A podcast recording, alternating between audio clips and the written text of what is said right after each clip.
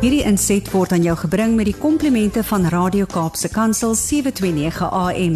Besoek ons gerus by www.cape pulpit.co.za.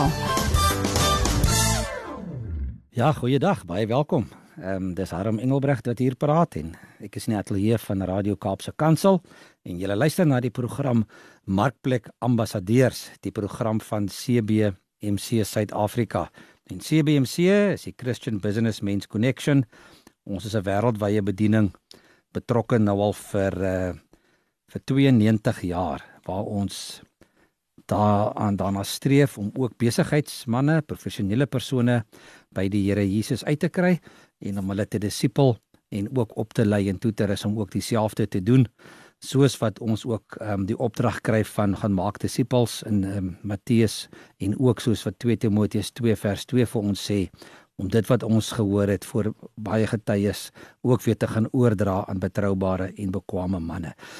so dis 'n bediening wat daaraan toegewy is om sake en professionele persone nie net te evangeliseer nie, maar ook uh, met disipelskap te help om te groei um, na die Here Jesus toe en en en meer en meer van hom in hulle te hê. En dan natuurlik is ons besig met hierdie reeks op hierdie stadium op hierdie program Markplek Ambassadeurs waar ons praat oor leierskap uit die Bybel uit. uh, Leierskapsbeginsels, leierskap eienskappe, dinge wat verkeerd gegaan het, leiers wat dinge reg gedoen het, wat dinge verkeerd gedoen het. En meeste van die dinge waaroor ek praat, soos ek voorheen genoem het, kry ek uit die Leierskap Bybel van John C. Maxwell en julle is ook welkom om as julle wil dit aan te skaf en bietjie te gaan lees ook wat daarin geskryf staan rondom leierskap en wat 'n mens kan leer um, uit die Bybel uit met die verskillende karakters wat ons teekom. Ehm um, daar's 'n Engelse weergawe by die boekwinkels beskikbaar by die Christelike boekwinkels en daar's ook 'n Afrikaanse weergawe wat 'n paar jaar terug uitgekom het. En as jy wil ehm um, wil volg, dan is jy welkom om ook vir jou een van van die Maxwell Leierskap Bybels aan te skaf. Ja, hoekom ek dit noem, is net sodat jy nie moet dink dat ek al die goed self uitdink nie, maar dat ek ehm um, maar die antwoorde ook in die Bybel gaan soek en dan nou ook maar ehm um, van bronne gebruik maak. ek is besig met hierdie reeks en ons het nou al 'n hele klompie programme gedoen. Ons trek vandag haar by nommer 17 as ek reg is. En ons is in die Ou Testament nog besig. En vandag wil ons bietjie begin gesels oor Joshua. Nou wat interessant is is dat ons het nou ehm um, Genesis tot Deuteronomium deurgedraf uh, of deurgeloop in 16 weke en en ehm um, en dit alles uh, bespreek oor die leierskap in daardie in daardie Bybelboeke. Maar Joshua is nou iemand wat nou eintlik basies die eerste ou wat ons regtig in die Bybel van lees wat nou 'n tweede geslag leier is.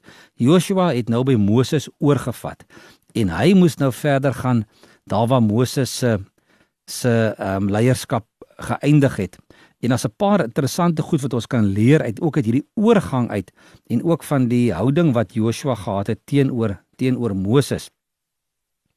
Net om in, inleiding te gee of oor waaroor Joshua gaan, is om net bietjie te sê dat Joshua uh, verteenwoordig alle tweede geslagleiers. Ehm um, hy het nie die volk Israel uh gevestig nie. Moses het dit gedoen. Maar na Moses se dood moes Joshua die taak wat sy voorganger Moses nie kon afhandel nie, moes hy toe nou voltooi. Ehm um, of die taak wat hy nie kon afhandel nie, moes Moses moes Joshua toe aanpak. Hy moes basies nou die volk in die beloofde land inlei. So onder Joshua se leiding het die Israeliete toe nou die beloofde land verower. En ons kan by Joshua leer um, om aan God se beloftes vas te hou en sy pad van oorwinning te loop ondanks uh, enige teëspoed of teenkanting wat ons kan kry. Joshua ehm um, het hom aan God se gevestigde orde onder onderwerp. Ehm um, Hy het Moses se leierskap nie een keer probeer ondergrawe of probeer homself voordruk terwyl Moses nog daar was nie. Selfs toe Moses te oud geword het om te doen wat wat wat wat hy moes doen, het Joshua nie ingespring nie. Hy het gewag totdat sy tyd aangebreek het. Ook maar soos Dawid, né, gewag het ehm um, dat koning Saul van die toneel verdwyn. En eers nadat Saul oorlede is, het Dawid koning geword. En dieselfde hier. Ehm um, Joshua het eers leier geword nadat Moses ehm um, afgesterf het. Joshua het geleer om Moses te laat te laat as jy nou so wil noem te laat sterf voordat hy oorgeneem het. En en en Joshua het moedig en selfversekerd ook nou sy eie leierskap uh, styl begin volg. Aan die begin van Moses van, van Joshua uh, beveel God vir Joshua dat hy ehm um, nou moet aangaan want God sê vir hom Moses my dienaar is nou dood. Maak jy nou gereed en trek deur die Jordaanrivier. Jy en hierdie hele volk gaan na die land toe wat ek aan hulle die Israeliete gee. Dit is in Joshua 1 vers 2. En God het hom ook bemoedig deur te herhaal ek sal jou nie in die steek laat nie. Ehm um, Joshua was 'n militêre leier terwyl Moses meer deur diplomatie of hervorming gelei het. Ehm um, wat natuurlik ook vir die tyd waarin hulle waarin hulle geleef het reg was. Die een of ander tyd moes Joshua besluit het om nie vir Moses na te aap nie, maar om homself te wees. En die tydsberekening was perfek vir die volk want Joshua het as leier oorgeneem op 'n tydstip toe Israel militêre leierskap in plaas van diplomatisiese leierskap nodig gehad het. Joshua was ook 'n leier wat bereid was om alles te gee. Hy het die beginsel van oorwinning toegepas. Een van die beste voorbeelde wat in die Bybel beskryf word. Sy reguit benadering het hom gedryf om alles te doen wat nodig was om 'n taak uit te voer. Hy was baie taakgeoriënteerd, taakgedrewe, Hy het nie tyd gemors nie, hy het reguit gedoen wat hy moes doen. Hy het God gehoorsaam. Hy was nie bang om risiko's te loop nie.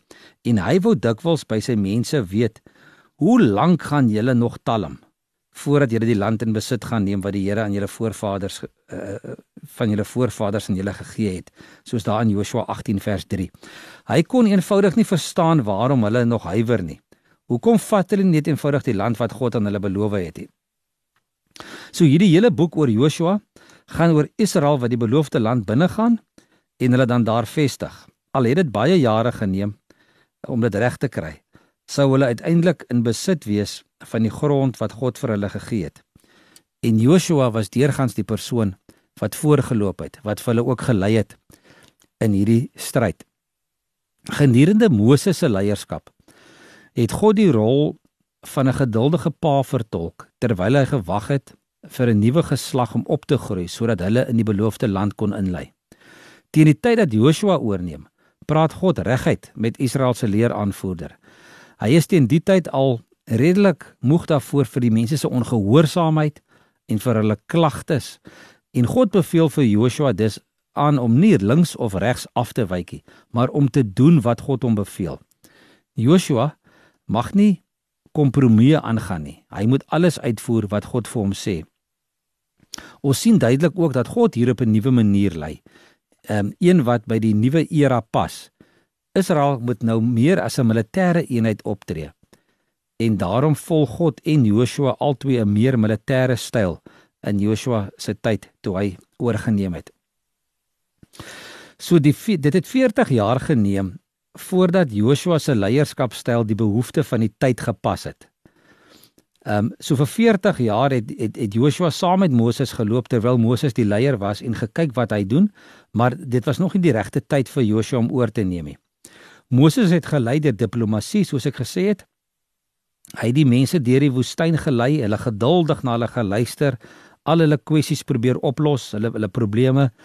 En teen die tyd dat die Israeliete Kanaan wou binnetrek, het daar 'n klompie vyande op hulle gewag. En daarom het hulle nou 'n meer aanvallende leier nodig gehad, iemand met 'n militêre agtergrond wat weet van oorlog maak. En Joshua se oomblik breek toe uiteindelik aan.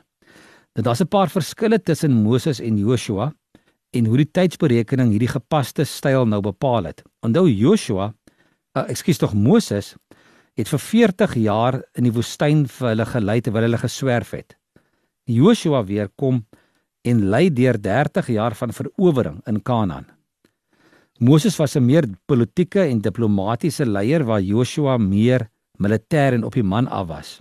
Moses geduldig geluister na die volk se klagtes waar Joshua hulle eintlik reguit aangespreek het en gesê het hulle moenie lui wees en bang wees vir die vyand nie. Moses het mense gelei soos 'n herder wat vrede wil maak Maar Joshua was weer 'n taai aanvoerder. Hy hy wou die bil by die horingspak en die dinge gedoen kry. en dan Moses het water voorsien uit 'n rots toe die mense dors geword het en Joshua het hulle gesê gaan grawe julle eie putte toe hulle dors word. So Joshua was baie meer van 'n van 'n doen 'n uh, eh, persoon gewees as wat hy iemand was wat ehm um, maar net sit en luister het en en rondgekrap het. Hy hy was baie meer ehm um, taakgedrewe en op die man af. So hoe het Joshua gekommunikeer met sy mense? Ehm um, in in hierdie proses want dit moes nou 'n heeltemal 'n ander styl gewees. En as ons bietjie kyk na Joshua 4 daarvan vers 1 tot 9. Ehm um, toe die hele volk tot deur die Jordaan is, toe ehm um, Joshua die 12 manne eh, ehm um, wat hy uit elke stam aangewys het, geroep en vir hulle gesê: "Gaan by die ark van die Here, julle God verby tot in die middel van die Jordaan en tel elkeen 'n klip op die skouer in ooreenstemming met die getal stamme van Israel. Dit moet onder julle as 'n teken dien. Wanneer julle kinders julle eendag vra wat beteken hierdie klippe, moet julle vir hulle sê die Jordaanse water is voor die verbondsark van die Here afgesny. Nou ons weet wat hier gebeur het. Hulle moes deur die Jordaan trek. Ehm um, die water het daar geloop en tog het dit gebeur dat ehm um, die Here ook vir hulle daarso ehm um, gehelp het dat hulle ook daar deur kon trek uh, deur hierdie water. Ehm um, die ark daar deur gedra en ehm um, wat gebeur het hierso as ek net gou terug kan gaan na hoofstuk 3 toe uh, vers 14 die volk het toe van hulle tente af vertrek om deur die Jordaan te trek. Die priesters wat die verbondsark gedra het was voor hulle. Die draers van die ark het by die Jordaan aangekom. Uh, gedurende die hele oestyd is die Jordaan gewoonlik vol oor al sy oewers. Toe die voete van die priesters wat die ark dra in die vlakwater kom hierdie water wat afkom gaan staan dit het op een hoop gaan staan ver boontoe ehm um, Die water wat afloop na die see in die Jordaanvallei, die Soutsee, was heeltemal afgesny. Die volk het reg oor Jerigo deurgetrek. Die priesters wat die verbondsark van die Here gedra het, het daar binne in die Jordaan op die droë bedding gaan staan, terwyl die hele Israel oor die, die droë bedding deurgaan tot die hele nasie uiteindelik deur die Jordaan is. Dit dat 'n mens amper dink aan die aan, aan die see wat die Here oopgemaak het vir hulle toe hulle by Egipte uitgetrek het. En toe hierdie ding gebeur het, toe toe sê Joshua vir hulle, maar julle moet nou gaan klippe optel en julle moet nou hierdie wat hier gebeur het met julle met julle nou kom ehm um, herinnering kom bou. En wat ons hierso lees in in in ek in Joshua 1:4 se gedeelte is dat ware leiers maniere soek om vandag se prestasies te gebruik om hulle mense vir môre se uitdagings te versterk. So wat gebeur vandag wat jy kan herdenk wat jy kan vasmaak, wat jy wil ek amper sê 'n altaar kan bou, wat jy kan versterk wanneer daar dalk uitdagings vir môre gaan kom. En Joshua het dit hierso so goed reg gekry. Alsou God hierdie wonder bewerkstellig sodat die Israeliete droogvoets deur die Jordaan kon trek, het Joshua geweet dat net diegene, net daai mense wat dit beleef het, dit sou onthou. Maar hy wou 'n nalatenskap bou vir die volgende geslag verbondskinders wat gebore sou word lank na hierdie wonderwerk. En Joshua wou 'n manier vind om God se grootheid te verkondig aan die nageslag. En om sy doel te bereik, het Joshua plan uitgedink om 'n blywende herinnering op te rig. Hy het beveel dat 12 klippe in die middel van die droë rivierbedding opgetel word, een vir elkeen van die stamme en op die oewer van uh, op mekaar gepak moes word as 'n monument. En wanneer hulle kinders of kleinkinders eendag dan sou vra wat beteken hierdie klippe, sou die Israeliete dan die kans hê om weer God se visie te skets en van God se wonderlike oorwinnings te vertel. Die klippe sou dan dien as 'n teken um, om oor te dra wat God vir hulle gedoen het. So wat doen goeie leiers? Hulle verskaf tasbare tekens om hulle mense 'n greep op hulle visie te gee. Ware leiers vind 'n manier om 'n toekomsbeeld te kommunikeer en om oorwinnings helder te hou, want mense moet gedurig aan albei herinner te word. Want hoe maklik is dit nie om te vergeet van die Here se goedheid nie, né? Hoe baie keer het ons gelees in Eksodus en Numeri en Deuteronomium dat die volk gekla het en vergeet het wat die Here vir hulle gedoen het. En Joshua maak sommer met dag 1 maak hy die plan toe hulle deur die rivier trek toe sê ons bou hier 'n altaar, ons kinders moet onthou en hulle moet herinner word aan dit wat God vir ons gedoen het. As 'n mens As jy mens nou verder kyk um, na Joshua wat ons lees in die volgende hoofstukke, dan sal 'n mens sien dat hy iemand is wat hom heeltemal toegewy het aan die taak wat hy moes verrig. Ehm um, Die eerste keer wat ons van Joshua lees in die Bybel is daar in in Exodus toe hy 'n opdrag van Moses kry en hy die opdrag onmiddellik gehoorsaam. En daarna begin hy die rol van Moses se assistent vervul. Toe hy gevra word om die beloofde land te gaan verken, was Joshua weer eens gehoorsaam. En ons onthou, ons het gepraat oor hierdie manne wat die beloofde land moes gaan gaan verken het, né? Daai 12 manne waarvan 10 teruggekom het en gesê het nee, ons kan dit nie gaan doen nie. Ons kan nie die land inneem nie. En net Joshua en Caleb het eintlik teruggekom met positiewe ehm um, resultate of 'n positiewe verslag en gesê ons kan die land um, inval. En 40 jaar later, toe Moses die leiersels aan hom oorgee, het Joshua weer gehoor gegee aan sy roeping. Op die ou end het die hele Israel Joshua se voorbeeld nagevolg en gedoen wat God van hulle gevra het. Met die gevolg dat hulle die land ontvang het wat God aan hulle beloof het. Um, ons lees later in Joshua daar by hoofstuk 34 dat Israel het die Here bly dien tydens die lewe van Joshua. Terwyl die mense Joshua se lewenslange voorbeeld van gehoorsaamheid gevolg het, was hulle voorspoedig. Maar na sy dood is Joshua eenvoudig beskryf as 'n dienaar van die Here. En dit is tog seker die hoogste lof wat 'n mens kan kry, né? As iemand kan sê hy, hy was 'n dienaar van die Here. Alhoewel ons Joshua vandag as 'n buitengewone leier beskou, beskryf die wêreld die die Bybel hom nêrens as iemand met buitengewone krag of verstand of talent nie. Wat hom wel buitengewoon gemaak het en uniek gemaak het, was sy gehoorsaamheid. En vir 'n vir 'n dienaar van God is dit al wat nodig is. Daar word slegs gehoorsaamheid verwag. Dan in Joshua 6 leer lees ons die die stuk van van van Jerigo se mure wat ons almal ken. Ehm um, waar hulle die die die die stad wou inneem En ehm um, die Here wat vir Joshua sê in vers 2, ek gaan Jerigo, sy koning en sy soldate vir jou en jou mag gee. Julle moet al om die stad loop, al die manne onder uh, onder wapen moet eenmaal om die stad gaan. Julle moet vir 6 dae lank te doen. Sewe priesters moet elkeen 'n ramshoring voor die ark uitdra. En ons ons weet hoe wat hier gebeur het. Nou dis seker vir my een van die merkwaardigste van van al Joshua se oorwinnings is die vernietiging van Jerigo. Want is 'n vreemde verhaal, né? Hierso is Joshua wat eintlik 'n militêre leier is wat eintlik reg is om om oorlog te maak en in te neem en nou sê God vir hom nee, jy gaan nie beklei nie. Jy gaan om die stad stap.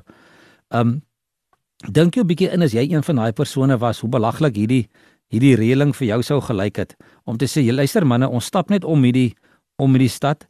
Um 13 keer binne 'n week. Blaas op jou trompet en dis al.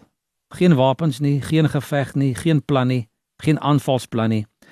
'n Mens kan dink dat die inwoners wat van Jerigo wat daar binne gesit en lekker kog gelag het vir hierdie klomp manne oor hierdie hele week se vermaak wat hulle hierso gekry het met hierdie klomp manne wat om hierdie om hierdie stad marseer. Maar Joshua was vasberade om enigiets te doen om oorwinning te behaal. Soos God gesê het, hy moet skree, dan skree hy. want as God vir hom sê wat hy moet doen, het hy gehoorsaam. So hy het die swaarde en die spiese laat staan en voluit geveg deur net om die stad te gaan loop en te doen wat God vir hom sê. Daar's 10 dinge wat wat Joshua onweerstaanbaar gemaak het. Nommer 1 is hy het gehoorsaamheid aan God eerste gestel. Hy het nooit eers gekyk wat die massa mense wil doen nie. Sy besluite was slegs gebaseer op 'n ewige in plaas van 'n tydelike perspektief. Joshua het nooit getwyfel nie, hy het beslis opgetree wanneer hy iets moes gedoen het. Hy het die verlede waardeer sonder om daaraan vas te hou. Resultate was vir hom belangriker as sy eie beeld of reputasie. Hy het geweet as hy ander mense wou beïnvloed, moes hy vooruitloop. Hy het nooit afgewyk van wat hy gedink het reg is nie. Hy het op God vertrou meer as op sy eie gawes. En sy oorheersing, sy oorheersende doelwit, Joshua se nommer 1 prioriteit was om God te gehoorsaam en om hom te verheerlik. Wat 'n pragtige les lees ons leer ons nie van Joshua aangaande leierskap nie. Ek wil jou 'n bietjie uitdaag om weer die verhaal te gaan lees, Joshua daarvan hoofstuk 1 tot 6 waar ons vandag gesels het en gaan kyk 'n bietjie Watter lesse kan jy miskien nog verder leer uit die leierskap van Joshua nadat God hom ook aangestel het om die volk in die beloofde land in te lei? Ons tyd het alweer uitgeloop en ek gaan julle groet tot ons volgende week bietjie verder praat oor Joshua. Ehm um, tot dan, mooi week vir julle. Totsiens. Hierdie inset was aan jou gebring met die komplimente van Radio Kaapse Kansel 729 AM. Besoek ons gerus by www.cape pulpit.co.za.